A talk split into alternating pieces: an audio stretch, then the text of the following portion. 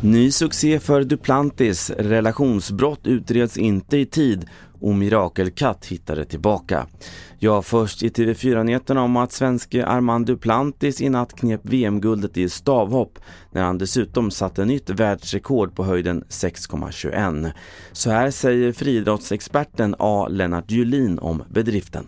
Den här suveräniteten när alla de andra är, har toppat sin form maximalt för att det gäller mästerskapsmedaljer och han leker hem ett nytt världsrekord. Det är naturligtvis någonting oerhört speciellt i friidrottshistorien.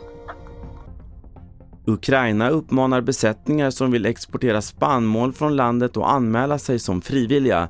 Men trots ett avtal med Ryssland om att fartyg och hamnar som används för transporterna ska fredas så går det inte att garantera säkerheten. Susanna Edling rapporterar. Ukraina måste nu röja sina minor i Svarta havet och Ryssland måste upphöra med alla attacker.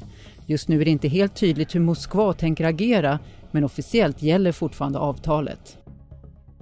TV4-nyheternas granskning visar att var femte anmälan om brott i nära relationer inte utreds i tid trots att utredningarna i den typen av brott inte får ta längre än sex månader. Chefsåklagaren Niklas Sannerholm förklarar varför.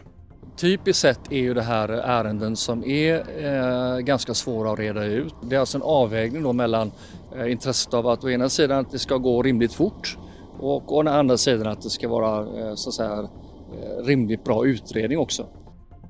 Och sist en solskenshistoria från Tranås. För nästan sju år sedan försvann Madeleine Janssons älskade katt Nefarian.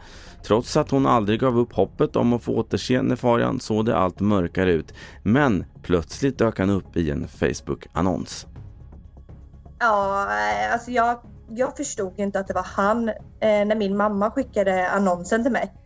Eh, jag var Nej, jag, jag trodde inte först att det var han till 100 procent. Jag har gråtit så mycket, men glädjetårar. Fler nyheter på tv4.se. Jag heter Carl-Oskar Alsen.